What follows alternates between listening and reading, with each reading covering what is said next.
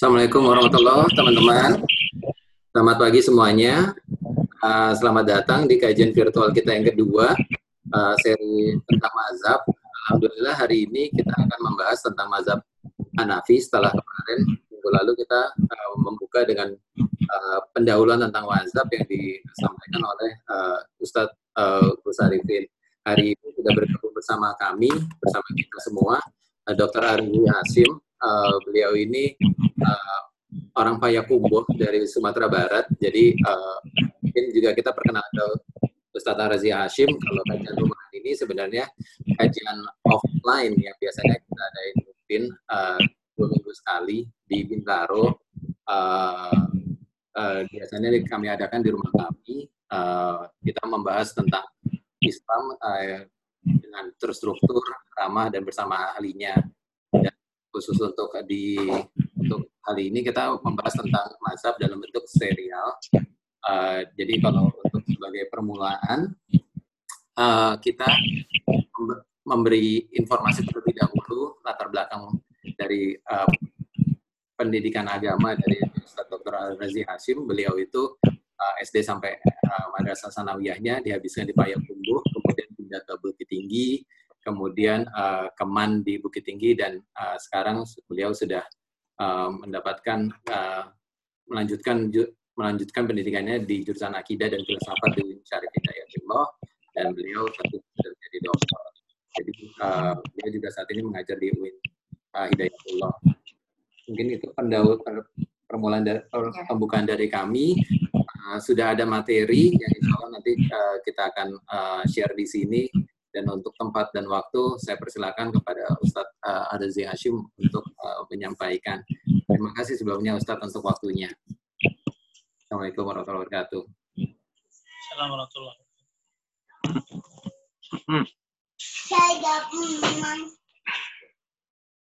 Oh iya, untuk teman-teman semua, uh, kita yang mau nanti nanya ada sesinya uh, selama uh, materi dari uh, Ustaz Razil Hashim, uh, kita sama-sama matiin unmute sama matiin videonya ya untuk memudahkan transmisi uh, uh, suaranya. Terima kasih. Oke, Assalamualaikum warahmatullahi wabarakatuh. Suara saya jelas? Jelas insya Allah Ustadz. Bismillahirrahmanirrahim. Alhamdulillah alamin wassalatu wassalamu ala sayyidil mursalin wa ala alihi wa ashabihi wa ribitihi wa dzurriyyatihi jema'in wa ba'd. Baik, eh, Pak Dimas dan kawan-kawan semua, terima kasih atas undangannya. Semoga kehadiran saya meskipun di dunia maya ya di online Allah uh, hiritoi uh, direstui oleh Rasulullah Wasallam. Sebelumnya supaya lebih hikmat, lebih terbuka dan bercahaya hati kita, mari kita baca surah Al-Fatihah. Semoga Allah membuka pikiran dan jiwa kita untuk kajian mazhab Hanafi. Al-Fatihah. Bismillahirrahmanirrahim.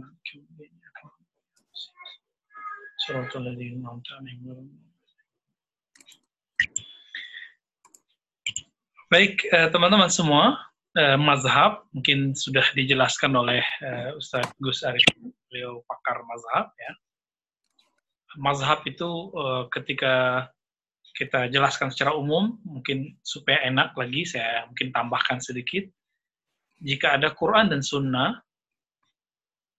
lalu ada orang yang mencoba untuk memahaminya nah, cara orang memahaminya itu disebut dengan mazhab ya.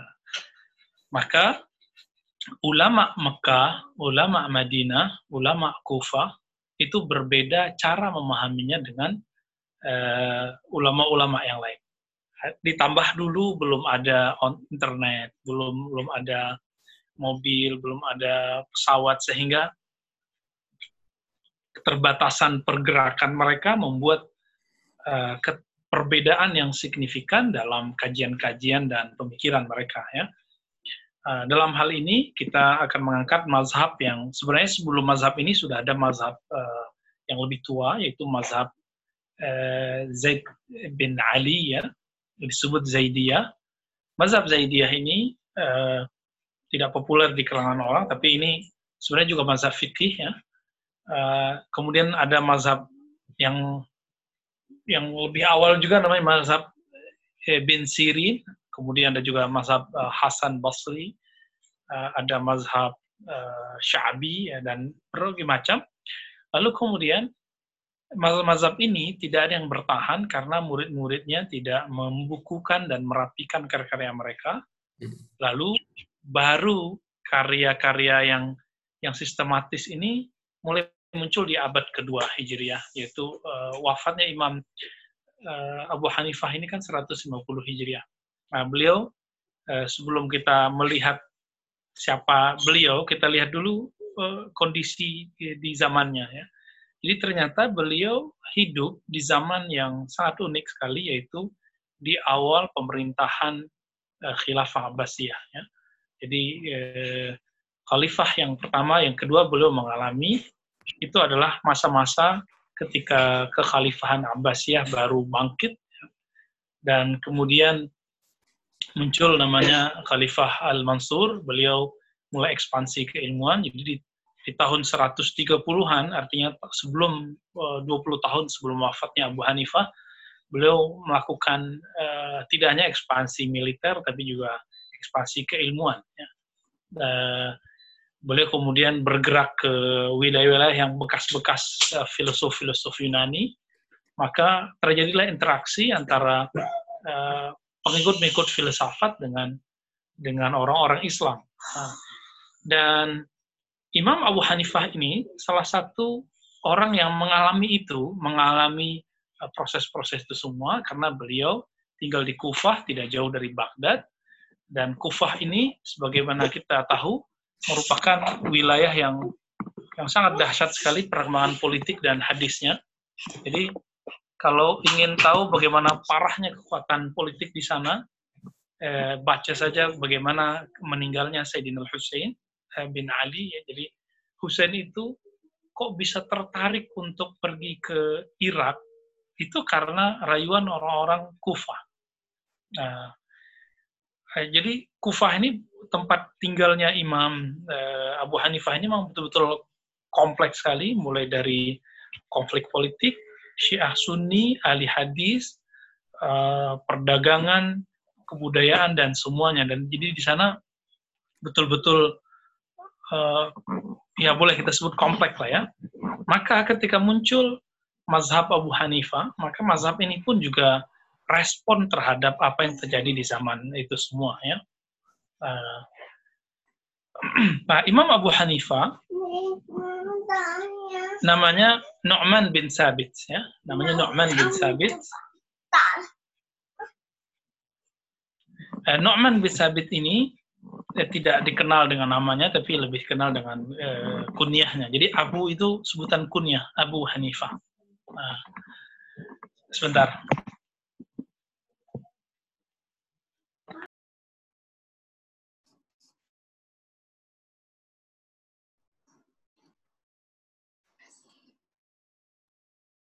Di Kufah. Irak. Lumayan jauh dari Madinah. Di Irak.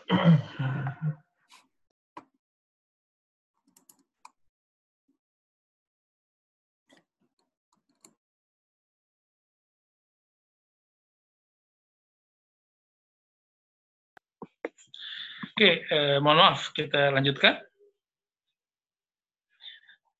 Uh, Imam Abu Hanifah ketika memahami Al-Quran dan Sunnah, maka uh, pemahaman beliau itu dipengaruhi oleh kondisi yang di zaman itu yang jauh dari kota Mekah dan Madinah. Jadi dulu jarak antara Kufah dan dan Mekah Madinah ini bukan uh, sebentar ya. Kalau Kufah ke Madinah mungkin uh, menghabiskan waktu sebulan. Kalau ke Mekah bisa lebih dari itu ya, bisa dua bulan mungkin atau uh, satu setengah bulan. Uh, tapi ya, Abu Hanifah beruntung karena banyak ulama-ulama sahabat dan tabiin yang tinggal di Kufah. Namun karena orang Kufah ini kalau bahasa sekarang mungkin disebut uh, metropolitan, uh, Baghdad belum ada, ini perlu diingat, Baghdad baru dibuat uh, setelah itu ya, setelah itu baru dibuat. Uh, jadi dulu Kufah itulah kota-kota yang paling maju secara politik, tapi juga maju secara keilmuan.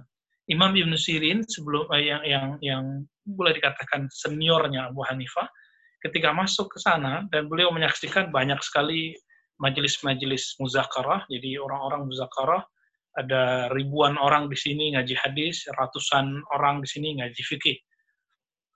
Jadi itu betul-betul uh, sangat indah lah ya uh, melihat orang-orang kajian. Kalau di orang-orang Jawa Timur itu ada istilah namanya bahsul masail ya di pesantren-pesantren itu ada pembahasan terhadap eh, kajian-kajian uh, tertentu. Itu biasanya setiap pembahas mendatangkan beberapa bukti-bukti, data-data terhadap masalah yang mereka buat saya terpikir ah, dulu Abu Hanifah ini lebih dahsyat lagi dari itu. Jadi uh, setiap pojok kampung itu ada orang-orang yang lagi mengkaji ini. Nah, maka Abu Hanifah muncul dalam kondisi ini sehingga wajar jika disebutkan Abu Hanifah berguru lebih dari eh, 2000 orang bahkan dalam beberapa riwayat dikatakan gurunya arba alaf ya arba alaf jadi 40 eh, 4000 orang dan hari ini uh, saya pun yang yang yang hidup di zaman ini itu belum bisa berguru seribu aja saya belum punya guru sebanyak itu.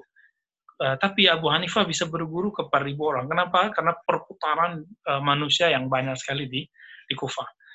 Oke, okay, uh, Abu Hanifah, uh, silakan nanti lihat di slide-nya ya, uh, Pak Dimas silakan dibagi nanti slide-nya.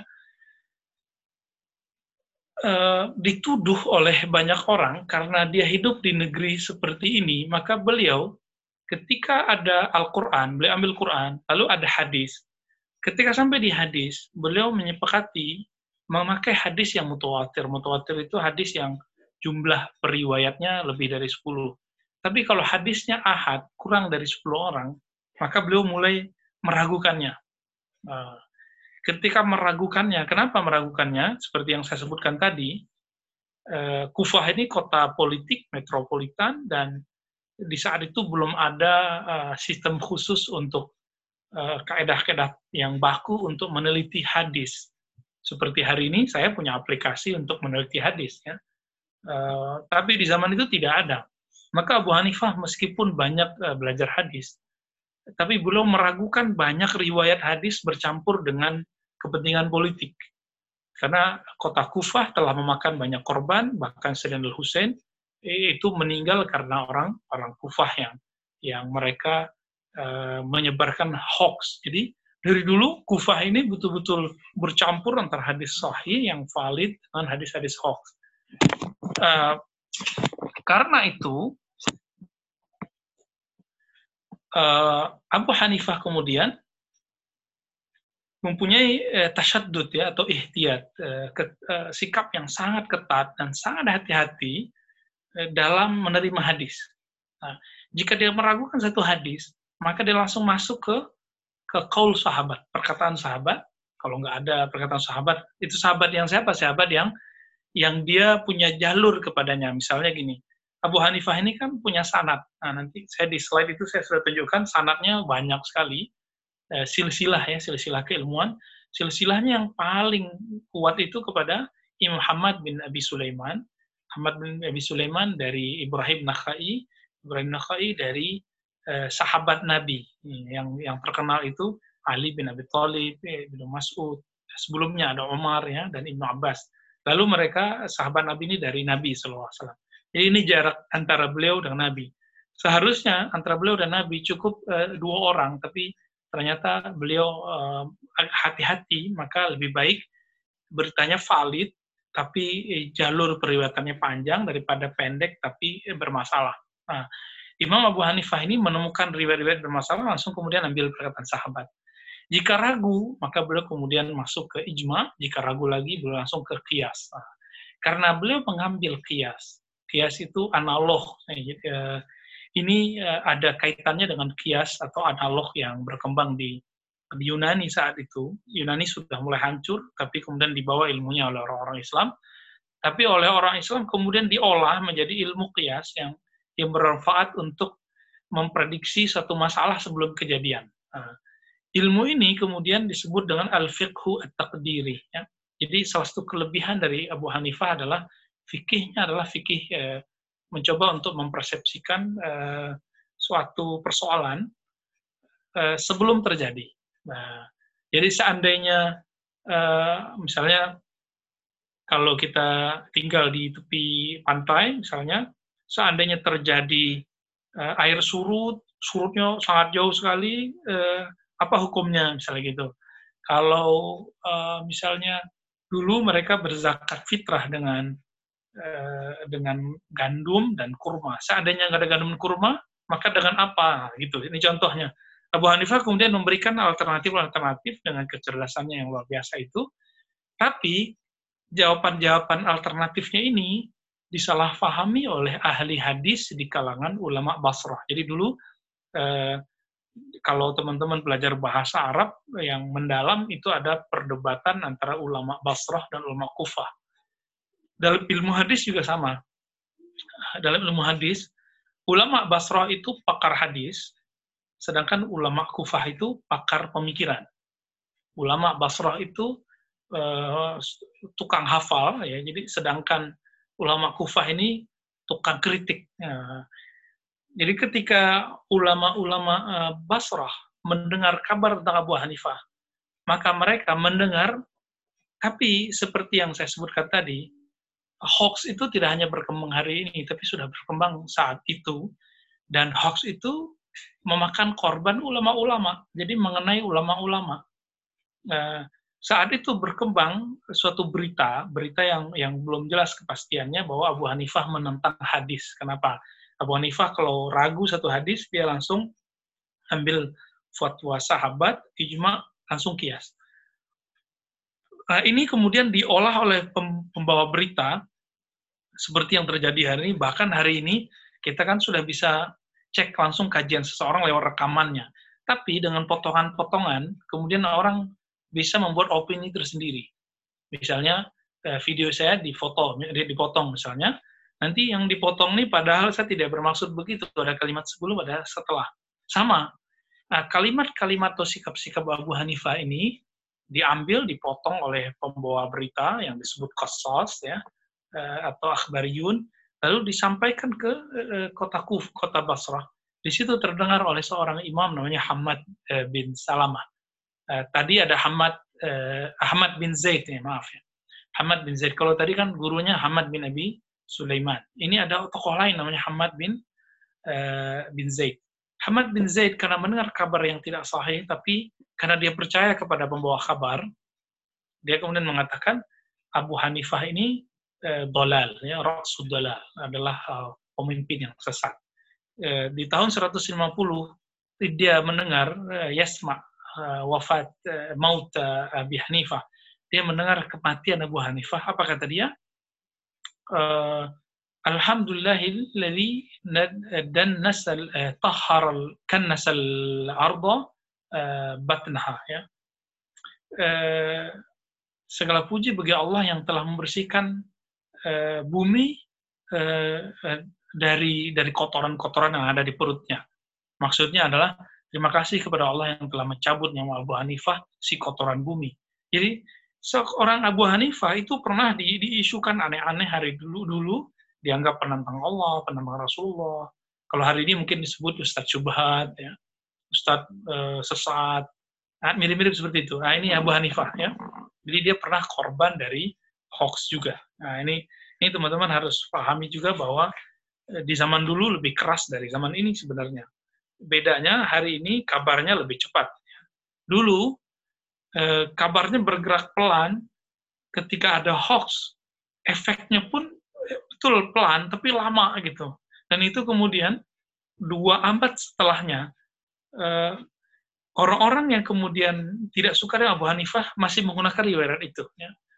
Eh, ada satu buku yang yang belakangan ditulis yaitu kitab kumpulan orang-orang yang bermasalah eh, judulnya kitab Ad-Du'afa ya, karya Imam Al-Ukaili. Di situ disebutkan Abu Hanifah, eh, Nu'man bin Bashir dari awal sampai akhir penjelasan tentang dia itu semua adalah keburukan dan dan kesesatan Abu Hanifah.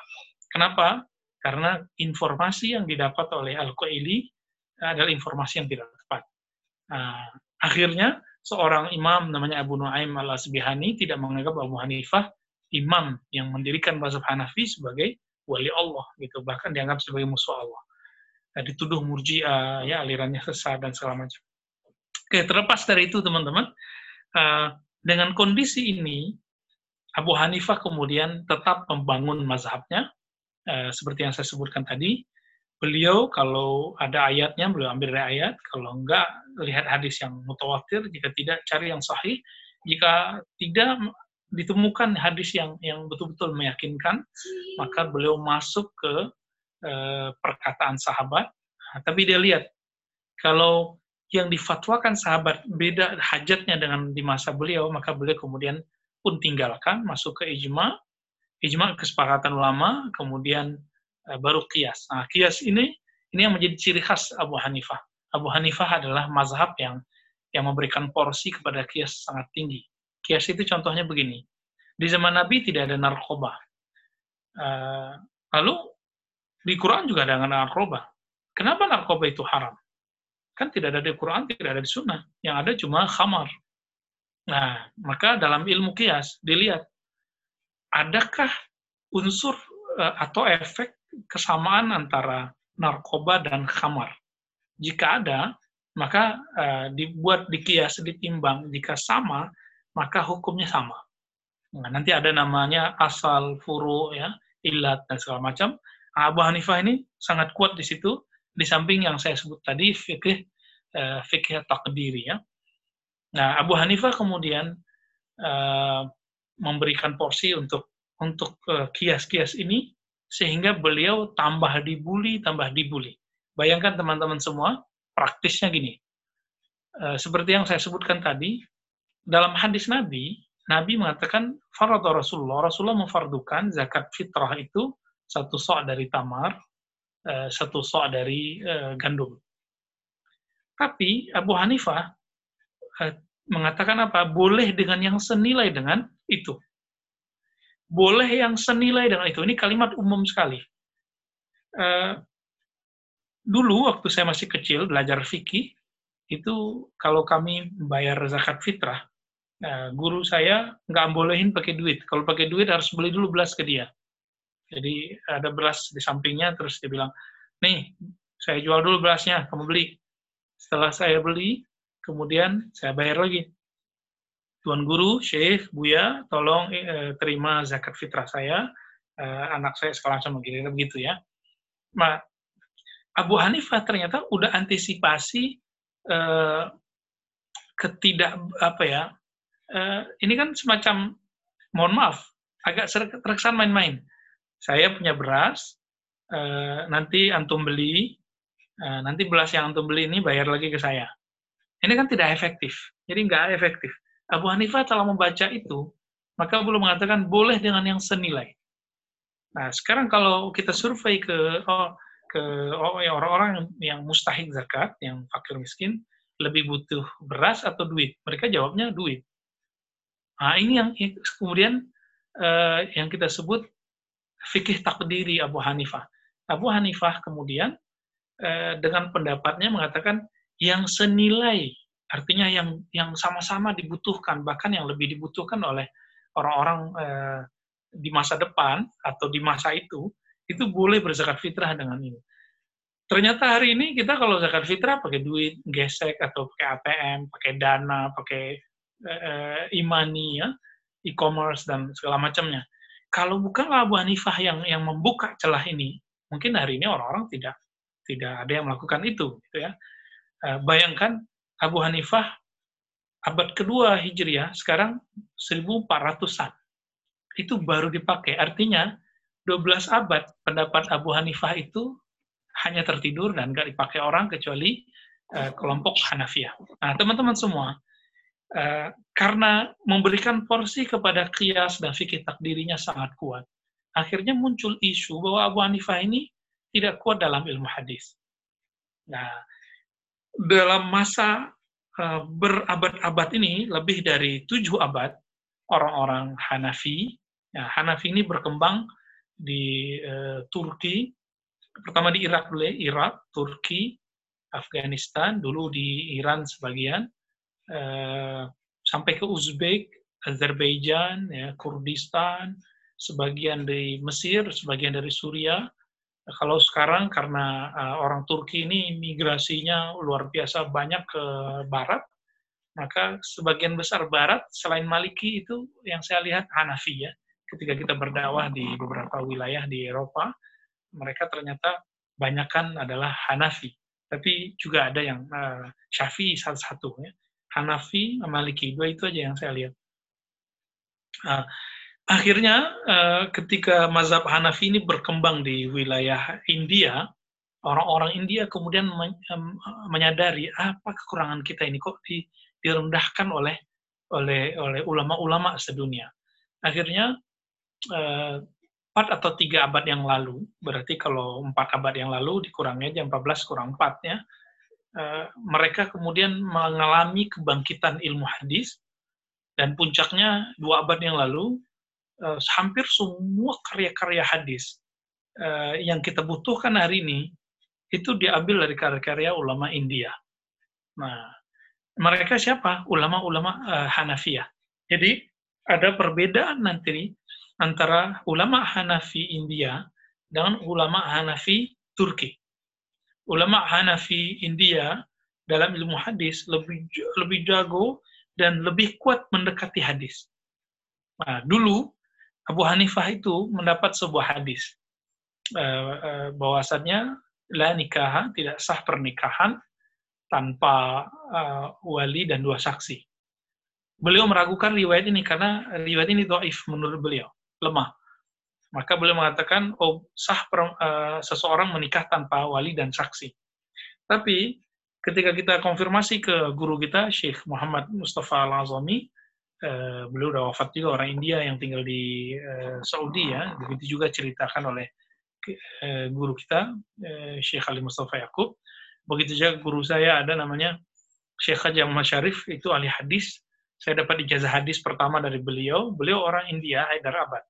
Nah, mereka-mereka ini ketika ditanya pernikahan di sana pakai wali apa enggak? Apakah ikutin Abu Hanifah enggak? Mereka mengatakan kalau ada orang nikah di kampung kami, harus disepakati oleh semua keluarga. Ada sekian pamannya, pamannya semua harus sepakat. Jadi uh, walinya nggak hanya satu, nggak hanya bapaknya, nggak hanya saudaranya, nggak hanya pamannya satu orang, tapi berapa paman gitu. Artinya orang-orang sana uh, tidak hanya mengikuti pendapat Abu Hanifah yang awal, tapi mereka sudah mengembangkan sesuai dengan budaya bahkan ya. Ternyata di mazhab Hanifah ada yang nomor belakangan setelah kias ada istihsan lalu berikutnya adalah huruf ya. Huruf itu uh, artinya tradisi. Baik uh, teman-teman semua uh, jadi pendek cerita mazhab Hanafi ini sedikit bukan sedikit lagi sangat berbeda dengan mazhab yang yang yang di zamannya juga tubuh yaitu mazhab Maliki di di Madinah. Karena mazhab Hanafi ini jauh dari pusat kota ulama hadis. Uh, mereka sangat uh, sangat kritis, banyak sekali persoalan-persoalan yang yang rumit tidak ada di kota-kota yang kurang dinamis. Jadi kotanya sangat dinamis sekali. Dan perlu diketahui Bu Hanifah ini uh, kalau sekarang penjual kelontong kira-kira gitu ya. Jadi beliau ini pedagang, dagang kelontong. Jadi beliau mengerti ekonomi mikro. Nah, maka uh, fikih-fikihnya betul-betul detail, detail, detail, detail. Uh, akhirnya orang melihat ini Abu pinter, tapi kok cuma berdagang. Uh, maka datanglah seorang utusan dari uh, kekhalifahan uh, Abbasiyah waktu itu. Seingat saya namanya Al-Mahdi, ya, Khalifah Al-Mahdi. Apa kata dia? Uh, Anda diminta untuk menjadi kodi. Kodi ini hakim, hakim besar, ya, hakim agung tapi beliau menolak. Nah, ini perbedaan beliau dengan uh, ulama zaman ini ya. Beliau kemudian mengatakan la yajtami'u ilmu uh, warriasah ya. Tidaklah pernah berkumpul uh, dua hal, tidaklah pernah menyatu dua hal. Apa itu? Ilmu dan kekuasaan uh, atau kepemimpinan. Uh, beliau tidak uh, sudah membaca kalau saya nanti jadi kodi, nanti saya tidak tidak bisa lagi ngajar dengan mudah, saya akan di, di, diawasi terus, uh, tidak bisa banyak menulis, dan tidak bisa santai duduk-duduk sembari tafakur, memikir masalah-masail dalam uh, sehari-harian beliau. Ya. Nah inilah lebih kurang uh, mazhab Hanafi ya. Nanti kalau belajar mazhab Hanafi itu ada buku standarnya, buku pemula, menengah, tinggi gitu ya. Juga ada kitab hadis mereka, jadi kata kitab fikih tapi fikihnya fikih ahli hadis. Uh, ini, ini saya tunjukkan. Ini langsung murid Imam Abu Hanifah. Uh, judulnya Al Kitabul Asar ya. Jadi uh, murid terbaik Abu Hanifah namanya Muhammad bin Hasan Syaibani. Beliau ini uh, berguru bertahun-tahun kepada Hanifah, kemudian menambah ilmu hadis kepada Imam Malik uh, di Madinah selama tiga tahun. Kan nanti teman-teman kalau belajar kitab hadis, nanti ada namanya kitab Moto Imam Malik, uh, kompilatornya adalah Imam Muhammad bin Hasan Syaibani ini ya. Padahal dia bermazhab Abu Hanifah ya. Tapi di zaman itu terjadi eh, konflik besar antara pemikiran Imam Syafi'i dengan pemikiran mazhab eh, Imam Syaibani ini. Oke, kira-kira itu teman-teman semua eh, garis besar dari mazhab Hanafi. Di Indonesia eh, seharusnya mazhab ini berkembang, eh, tapi saya tidak menemukan eh, bukti secara filologis, secara teks ya, karena pembuktiannya harus secara filologis, secara teks. Kenapa sangat mungkin? Karena dulu pembawa Islam eh, yang terkenal di Indonesia, namanya Syekh eh, Ibrahim As-Samarkandi, itu dari Samarkand, itu bermazhab Hanafi seharusnya. Ayah dari Sunan Ampel, eh, kakek dari Sunan Bonang, ya. Eh, yang ada di Tuban dan di Surabaya itu. Cuma kita nggak melihat bekas-bekas ya mungkin dulu ketika mereka datang ke negeri kita, negeri ini sudah bermazhab syafi'i sehingga mereka merubah mazhabnya. Jadi saya belum melihat pengaruh uh, mazhab Hanafi di, di negeri ini ya. Kecuali dalam fikih-fikih terbaru uh, uh, khususnya uh, ada yang disebut di pemerintahan itu uh, Kementerian Agama namanya kompilasi hukum Islam ya. Kompilasi hukum Islam KHI. Cuma kita lihat itu campur aduk ya, macam-macam mazhab ada di situ, bahkan terindikasi eh, talfik berlebihan. Talfik itu mencampur adukan mazhab dan mencari yang yang gampangan gitu. Oke, teman-teman, kira-kira itu eh, pengantar dari mazhab Hanafi. Eh, ya, ini yang yang bisa saya sampaikan sebelumnya. Nanti kalau mau kajian lebih mungkin langsung ke kitabnya atau eh, ke tokoh-tokohnya langsung.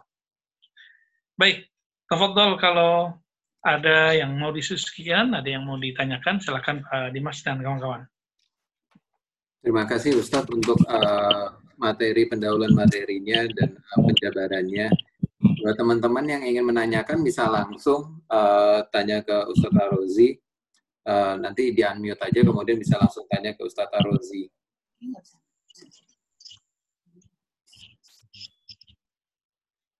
Ada yang mau ditanyakan jauh ini? Ini kelihatannya belum banyak yang belum ada pertanyaan yang masuk, uh, Ustadz. Uh, mungkin juga kalau kan kalau buat di Indonesia tidak terlalu ja, tidak terlalu jama ya mas uh, mazhab Hanafi ini. Tapi kalau dari uh, yang tadi Ustadz sudah jabarkan sedikit, selain dari biasanya kalau selain dari yang tadi Ustaz sudah jabarkan ada fikih dari masa Hanafi yang juga sudah sering diterapkan di Indonesia biasanya Ustaz. Ya, uh, belum ada yang signifikan. Tapi kalau teman-teman misalnya pergi ke Turki, biasanya kan kalau pergi umroh itu ada plus Turki gitu ya. Tapi kalau orang yang yang sempat agak lama di Turki, misalnya tiga hari itu seminggu, saya pernah alhamdulillah seminggu di Turki, uh, kita melihat orang-orang beramal fikih syafi'i, eh, Hanafi di Masjid Ayubiyah, jadi saya sholat subuh biasanya di Masjid Ayubiyah, masjidnya uh, sahabat Nabi, Sayyidina Abu Ayyub al-Ansari, wakaf Masjid Nabawi. uh, itu uh, mereka saya kan datang waktu itu jam jam 3 pagi ya, uh, berharap uh, waktu subuhnya kan kira-kira jam jam 4. Uh, saya kira nanti bisa lebih cepat jadi saya zikiran dulu, main-main dulu sekitar situ. Ternyata mereka baru sholat subuh itu 15 menit sebelum uh, uh, terbit matahari. Jadi ketika masuk waktu waktu subuh mereka kemudian azannya setengah jam setelah masuk waktu. Jadi kalau kayak kita masuk waktunya jam setengah lima, mereka azannya jam lima, gitu. Nanti eh, baca yasin dulu, jadi baca yasinnya indah sekali. Lalu sholat sunat, setelah sholat sunat, sholawat tiga menit, baru kemudian mereka sholat. Itu saya ngeliat keluar, sebelum takbir itu saya lihat keluar, udah terang, maka wajar kalau sholat subuh di Turki itu rame. Jadi ketika ada kawan-kawan yang memosting, nih lihat loh Turki, kampungnya Erdogan, uh, sholat subuhnya rame. Ya saya pikir wajar karena jam-jam segitu kita udah bangun semua. Namun Jakarta tidak bisa diterapkan begitu karena kita jam segitu sudah berangkat kerja. Ya, uh, di sana uh, betul siangnya kan lebih panjang sekitar 16 jam jadi mereka kalau ada subuh tidur lagi nanti jam 8 baru berangkat kerja uh, uh, di Indonesia ini kan sempat rame waktu itu ketika ada seorang syekh dari Timur Tengah datang ke komunitas salah satu organisasi di Indonesia lalu beliau sholat subuh di di sini. Dan kemudian menanggapi ini sholat subuh di kita kok kok terlalu terlalu cepat? Akhirnya itu sempat rame terjadi konflik antara Muhammadiyah dengan eh, ketua 8 waktu itu ya Thomas Jaludin. Karena beliau juga pakar falak yang yang mengurus tim isbat atau yang nulis imsak jadwal imsakiyah di bulan Ramadan dan dan sepenuh tahun ini uh, terjadi konflik jadi saya waktu itu hadir di di salah satu universitas di, di Jakarta uh, jadi ada yang signifikan di bagian-bagian seperti ini. Jadi jam sholat, ya, uh, banyak hal lah. Tapi semua itu ternyata uh, redup lagi dan tidak ada efeknya sampai hari ini ya. Jadi seperti teman-teman, subuhnya kan masih lebih awal, kok. Uh, coba kalau kita terima misalnya mazhab Hanifah ini mungkin bisa lebih akhir. Uh, tapi ini kemudian dipakai oleh salah satu kelompok di Makassar yang pakai serban hitam biasanya saya lupa nama kelompoknya. Uh, oh ya, kelompoknya An-Nasar ya, jamaah An-Nasar mereka sholat subuhnya agak diakhirkan, jadi pas sudah agak mau terang. Silakan dicari di YouTube itu ada ya, jamaah An-Nasar. Uh, uh, jadi yang saya tahu paling itu, kayaknya mereka mengikuti metode ini. Uh, dan cara sholatnya juga mirip sekali dengan model model mazhab Abu Hanifah. Jadi imam, terus ada ada muazinnya. Muazinnya ini yang kemudian yang takbirnya kenceng. Jadi imamnya ruku, eh, muazinnya kemudian ini seperti di Masjidil Haram lah mirip-mirip. Tapi ternyata itu gaya dari uh, mazhab Hanafi yang dia tiru sepertinya. Oke? Okay? Ada pertanyaan, Pak Dimas? Silakan. Terima kasih Ustadz. Ini ada yang uh, mau mengajukan pertanyaan. Ada uh, Adrian Karim, boleh kita unmute, boleh Iya. Pertanyaan baru habis itu kita masuk ke pertanyaan Mas Galuh ya. Iya, silakan. Assalamualaikum uh, Ustaz Razi dengan Adrian. Um, ya, tadi Ustadz kan sempat menyampaikan soal waktu sholat. Nah, saya teringat pernah satu kali uh, berkunjung ke salah satu negara yang itu minoritas Muslim, cuma saya sholat di masjid orang India dan uh, Tionghoa yang mazhabnya Hanafi. Nah, saya ingat bahwa waktu asarnya itu lebih lambat dibandingkan yang biasa kita pakai. Saya cek di apps rupanya ternyata di aplikasi waktu sholat ada opsi mazhab Hanafi dan opsi Syafi'i, Maliki, sama Hambali. Nah, itu bedanya apa ya Ustaz? Kenapa asar lebih akhir dan kenapa uh, Imam Abu Hanifah seperti itu pilihannya? Terima kasih banyak sebelum. Oke, Pak Adrian. Pak Adrian ini kayaknya masih keturunan India ya. Uh, jadi kalau datang ke masjid India nanti dikira orang India itu ya. Kenapa bisa beda? Itu karena riwayat hadis yang sampai ke mereka berbeda. Uh, Imam Abu Hanifah mendapatkan hadis mengenai sholat itu, eh, contohnya kalau subuh itu hadis, jadi Nabi itu ada dua hadis mengenai sholat subuh, hadis di awal waktu dan hadis di akhir waktu. Jadi dia memakai hadis di akhir akhir waktu. Eh, begitu juga eh, asar ya, asarnya agak sedikit berbeda dengan mazhab-mazhab yang lain. Jadi karena perbedaan hadis itu, misalnya eh, Nabi itu kan wilayahnya eh, Madinah ya, di Madinah itu masuk subtropis tentu ya. Eh, apa kata Nabi? Ketika bayang-bayangmu sudah eh, dua kali lipat darimu, maka asar telah masuk. Nah, di riwayat lain, ketika panas matahari masih terasa uh, hangat di, di muka. Nah, ini sudah beda nih. Karena di beberapa wilayah Eh, bayang-bayangnya mungkin udah udah panjang, tapi eh, panasnya masih panas kayak zuhur, belum belum panas yang seperti yang dikatakan Nabi gitu. Akhirnya perbedaan itu kemudian diterjemahkan, nah, penerjemahan inilah yang disebut mazhab. Uh, uh, Hanafi sedikit berbeda dengan dengan kita semua.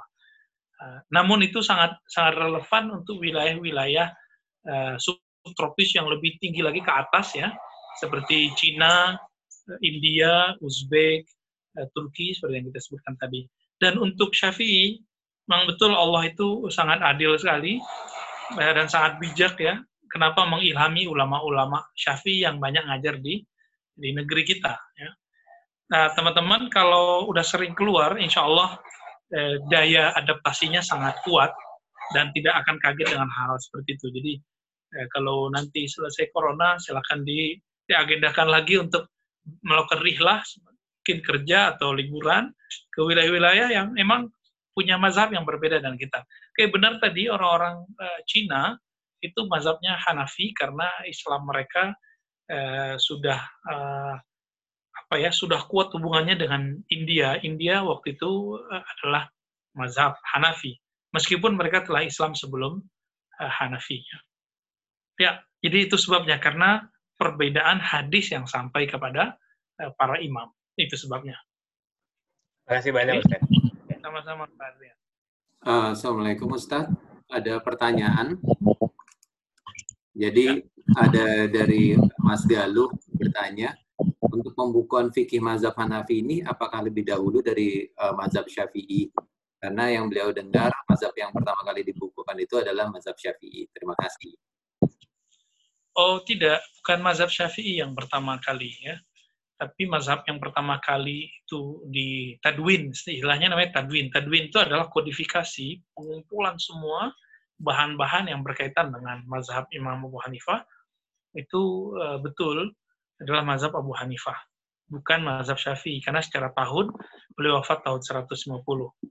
Namun, uh, pembukuannya itu, itu sebenarnya berbarengan dengan Eh, pergesekan pemikiran mereka dengan mazhab Syafi'i. Jadi yang paling keras dalam mengkritisi mazhab Hanafi ini kan mazhab Imam Syafi'i. Kalau Imam, Imam Malik tidak. Imam Malik ini kan cuma di Madinah. E, diceritakan waktu itu bahwa Imam Malik ini e, sudah mandi, tiba-tiba didatangi oleh Imam Abu Yusuf. Abu Yusuf ini salah satu murid Imam Abu Hanifah yang sudah merdeka cara berpikirnya, artinya sudah sudah sangat alim. Uh, cuma dikasih beberapa pertanyaan, kemudian Imam Malik ini keringetan dan dan terlihat kewalahan menghadapi Abu Yusuf. Bukan berarti Imam Malik uh, tidak bisa, tapi dia tidak terbiasa berdebat. Sedangkan orang-orang Kufah ini setiap malam itu sambil ngopi mereka debat. Uh, ya bisa dibayangkan ya. Dan teman-teman kalau mau paham ini, sesekali buat buat rihlah atau nanti kita buat rihlah Eh, jalan-jalan uh, ke pesantren-pesantren di Jawa. Itu di Jombang, di Kediri, di itu mulai dari pesantren kecil-kecil, anak kecil-kecil sudah ada namanya basul masail, yaitu yang disebut musyawarah. Dan di sini ada namanya kelompok-kelompok musyawarah. Nah, mereka itu udah ngumpul-ngumpul di mana-mana, itu diskusi-diskusi. Tapi eh, itu emang kita harus cocokkan dulu di musim-musim basul masail. Nanti silakan perhatikan bagaimana mereka berdebat, balas-balas eh, diskusi, Eh, di Jakarta sebenarnya santri santri-santri saya yang di Darussunnah itu sudah mulai ada yang membuat. Cuma karena corona ini kemarin uh, itu ada perlombaan yang musabakohnya dilombakan. Ada suatu persoalan misalnya kemudian dibawakan uh, dalam bentuk muzakarah, diskusi terbuka, nanti mereka adu-adu argumen. Nanti kalau ada saya kabarin ya setelah semoga bencana ini cepat berlalu. Nanti kita uh, menyaksikan itu, jadi nggak perlu ke luar kota. Nah, insya Allah. Atau kalau ada nanti uh, rekaman-rekamannya nanti saya kirim beberapa ya artinya. Yeah. jadi uh, yang benar adalah mazhab Hanafi dulu, tapi kemajuan satu mazhab itu adalah ketika si mazhab ini uh, diadu oleh mazhab yang lain. Nah, se sependek yang saya tahu, mazhab Abu Hanifah ini uh, setelah wafat itu terjadi pergesekan luar biasa antara Muhammad dan Hasan Syaibani, uh, Abu Yusuf, Syafi'i itu untuk mereka luar biasa sengit. Akhirnya masing-masing menulis buku. Jadi kalau teman-teman nanti uh, punya waktu cari buku namanya Ar-Risalah karya Imam Syafi'i, uh, itu sudah ada terjemahannya. Yang belum diterjemahkan itu yang karya beliau yang paling besar namanya Al-Um. Kalau kita lihat kritik-kritiknya itu adalah kritik terhadap mazhab uh, Hanafi. Nah, hmm. lalu orang Hanafi balas, begitulah. Jadi ketika mereka balas membalas, dijawab, dijawab, dijawab oleh tokoh-tokoh, meninggal tokoh ini dijawab oleh tokoh berikut. Nah, ini yang disebut proses tadwin, ya. proses uh, uh, kodifikasi kitab-kitab fikih, sehingga kemudian mereka jadi tahan banting dan bertahan sampai hari ini. Jadi jika ingin pemikirannya tahan banting, bisa bertahan lama, siap-siap di, di, dipertanyakan orang, jangan baper, jangan jangan sakit hati. Ini dikritik langsung bilang sesat, dikritik dikritik langsung bilang syubhat, di, di, beda dikit langsung bilang bid'ah. Saya yakin ini pemikiran begini nggak tahan lama, karena eh, ini sudah sunnatullah ketika orang itu sampai hari namanya masih ada, itu karena emang dia murid-muridnya murid dari muridnya itu tahan dalam diskusi tahan dalam uh, tahan dalam tukar pikiran bergesekan itu kuat ya. Kalau dulu saya emang hobi sekali diskusi-diskusi apa uh, perang-perang uh, pendapat ini. Kalau sekarang udah tambah umur mulai mulai kurang gitu ya. Cuma walaupun kurang kata teman saya masih kencang juga. Ya ada lagi Pak Dimas ada lagi uh, pertanyaan dari uh, Mbak Fitri. Pendap, uh, Assalamualaikum. Pendapat uh, Ustadz, pendapat Imam Hanafi yang manakah yang paling populer dan pendapatnya lebih banyak ke arah ibadah atau muamalah kehidupan sehari-hari? Terima kasih. Uh, sebenarnya sama ya. Jadi beliau itu di fikih juga uh, sangat ketat. Jadi tidak benar kalau fikih beliau longgar. Tapi beliau sangat longgar itu dalam bab uh, muamalat jadi kalau boleh saya sebut hari ini muamalat yang antum pakai di di dunia modern hari ini itu bukan mazhab Syafi'i sepenuhnya, tapi kebanyakan adalah mazhab uh, Hanafi yang banyak. Nah, jadi kalau kita lihat adakah pengaruh bukan hanya Indonesia tapi dunia uh, kebanyakan transaksi-transaksi kita hari ini adalah mazhab Hanafi. Uh, contohnya di, di di masa Rasulullah sahabat dan tabi'in di fikih Syafi'i hanya ada 24 jenis transaksi, jenis bentuk dari eh, transaksi eh, fikih muamalat ya. Tapi di di di mazhab Hanafi ada istilah-istilah yang rumit yang yang nanti kalau kita masuk ke kitabnya baru kita paham. Tapi hari ini terjadi semua ya. Eh, dulu misalnya eh, ketika kita jual beli eh, jual beli misalnya nggak mesti barangnya ada dulu kan gitu. Jadi saya pesan nah, dalam fikih disebut baik salam. Baik salam ini sempat sempat uh, rame ya. Tapi yang banyak membolehkan itu Abu Hanifah. Nah sekarang kan mirip. Coba antum melihat buka online cuma ada fotonya lalu kita pesan kita bayar dulu. Nah itu kalau boleh disebut adalah neo salam.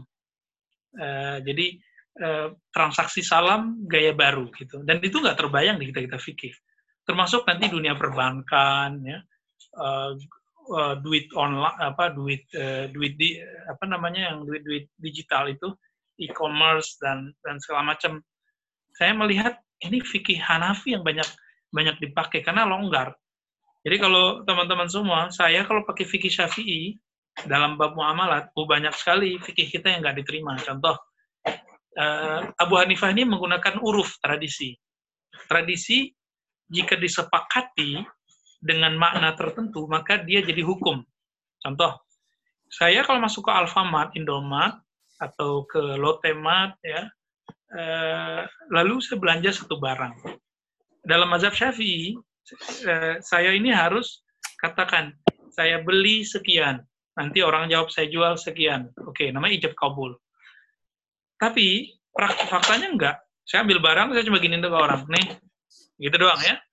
Uh, apakah ini disebut uh, transaksi yang sah menurut Syafi'i? Menurut Syafi'i tidak sah. Yang sah itu mesti ada ijab kabulnya. Uh, tapi kemudian fikih Syafi'i ya berkembang karena interaksi dengan mazhab uh, Hanafi. Karena Imam Hanifah itu adalah penjual pedagang kelontong tadi yang seperti yang saya katakan di pasar Kufah orang itu malas ngomong. Jadi kalau ambil barang bayar, udah gitu doang. Ya, jadi praktek itu sudah terjadi di abad kedua di di di kota Kufah. Maka nah ini ini satu satu kehebatan fikih. Fikih itu terjadi dulu biasanya, lalu ditanggapi. Kalau Abu Hanifah kebanyakan belum terjadi sudah diprediksi. Hmm. Nah, khusus ini ini sudah terjadi beliau kemudian katakan sah dengan syarat sudah disepakati. Apa kesepakatannya? kesepakatannya bernama ridho. Nah, ini kemudian dipakai semua oleh semua masa hari ini. Coba antum kalau kalau ber, ber apa uh, jual beli di mana aja di tanah haram, di Mesir, di mana-mana, itu semua nggak perlu pakai ngomong, cukup pakai ridho. Ya, saya ridho aja, saya rela, saya beli ini, uh, yang jual sepakat ya sudah. Di mazhab Syafi'i, anak kecil nggak boleh dagang, nggak boleh dagang, nggak boleh beli. Tapi eh, di mazhab Hanafi, jika tradisinya biasanya anak-anak kecil ini udah ngerti duit, udah mumayyiz, ya sudah. Kan anak saya misalnya umur 8 tahun, eh, pergi ke minimarket, terus beli barang tertentu, itu secara mazhab syafi'i nggak sah. Hmm. Tapi di mana itu sah, berdasarkan uruf, jadi eh, tradisi. Nah ini contohnya. ya. Jadi eh, setelah kita pikir-pikir, oh ternyata sudah banyak yang berkembang di, di negeri ini. Ya. ya. Terus uh, terima kasih Ustadz. Ada pertanyaan lagi dari uh, Mbak, Mbak Latifah. Assalamualaikum Ustadz. Ada rujukan buku kah tentang Imam Empat Mazhab? Terima kasih.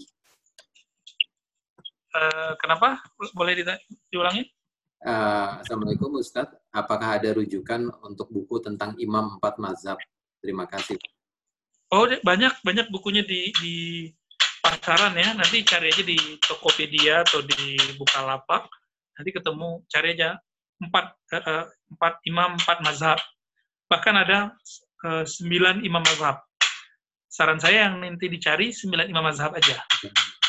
Uh, saya dulu membaca buku itu uh, selesai waktu umur saya masih berapa waktu itu?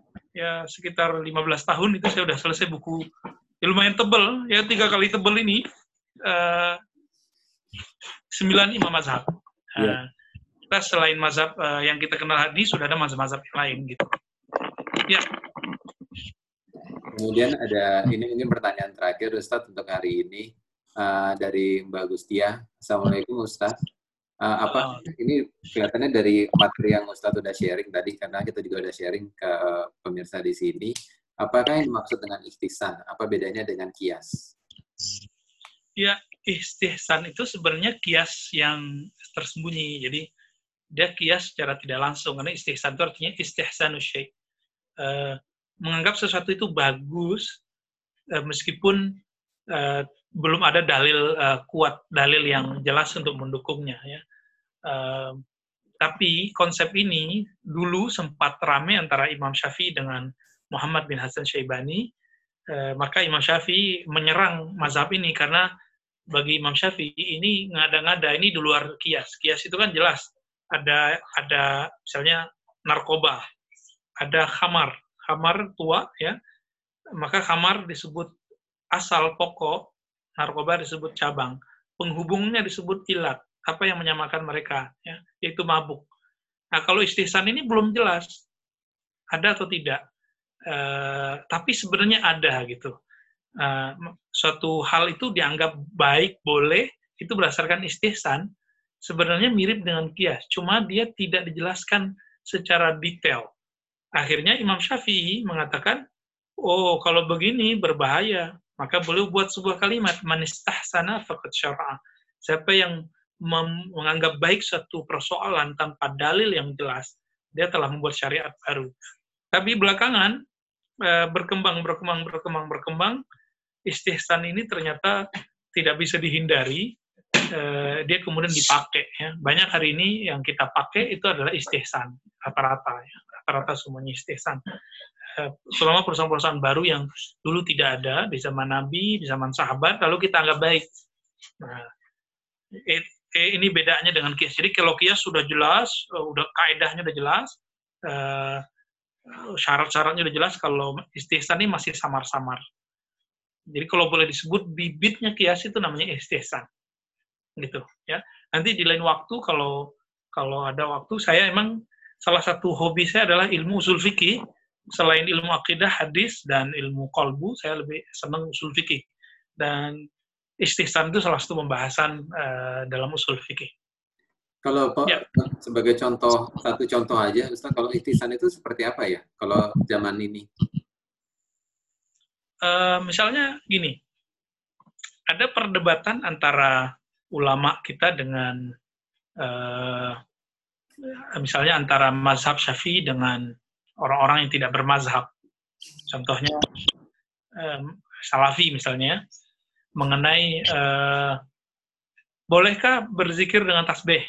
Nah, atau berzikir lebih dari angka 33. Ketika saya mengatakan boleh, itu sudah sudah ada kesan istihsan di situ walaupun meskipun belum belum pasti ini masuk istihsan atau mana gitu ya. Iya. Nah, jadi ketika saya menganggap satu hal itu baik dengan dalilnya ada satu kebaikan di dalam ini, maka dia disebut istihsan. Uh, kalau dalam jual beli sangat banyak terjadi, tapi dalam uh, dan itu tidak dimasalahkan sebenarnya. Tapi yang banyak jadi masalah itu kalau berkaitan dengan ibadah. Uh, atau misalnya kayak kayak sholat A, sholat B, sholat ada sholat uh, kafa apa sholat untuk orang tua gitu ya, karena macam-macam. Nah ini masuk istihsan sebenarnya. Tapi ada pembahasan khusus nanti detailnya kalau mau nanti kita bahas di istihsan menurut ahli usul. Ya, nanti akan berbeda dan lebih detail. Oke, insya Allah. Uh, kelihatannya waktunya juga sudah habis. Uh, terima kasih banyak Ustadz. Mungkin sebagai penutup, uh, kalau boleh kita uh, minta closing statement dari Ustadz Arozi untuk masa uh, sesi masa Hanafi ini.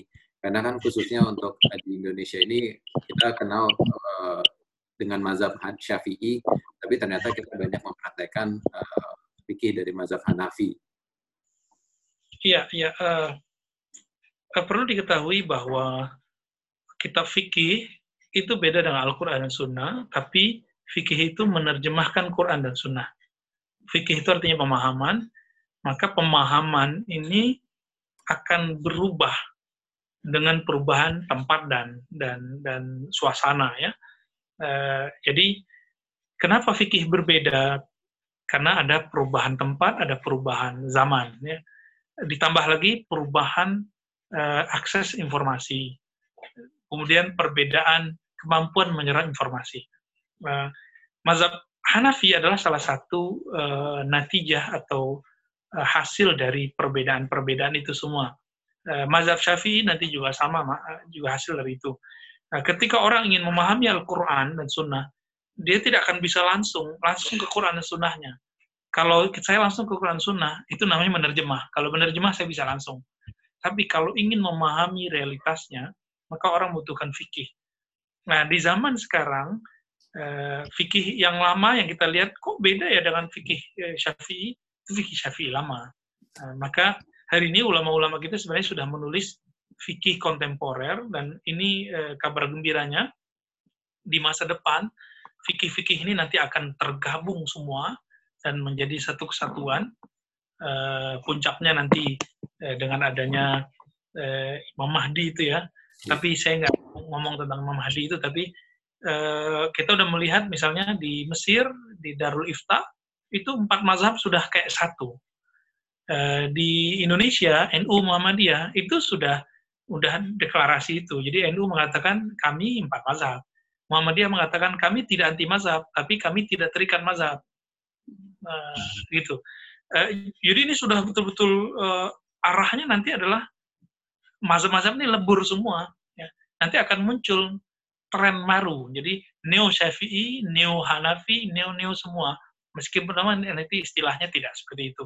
Dan neo ini uh, nanti akan banyak kemiripan karena hajat orang yang di Mesir hari ini hampir sama dengan Indonesia.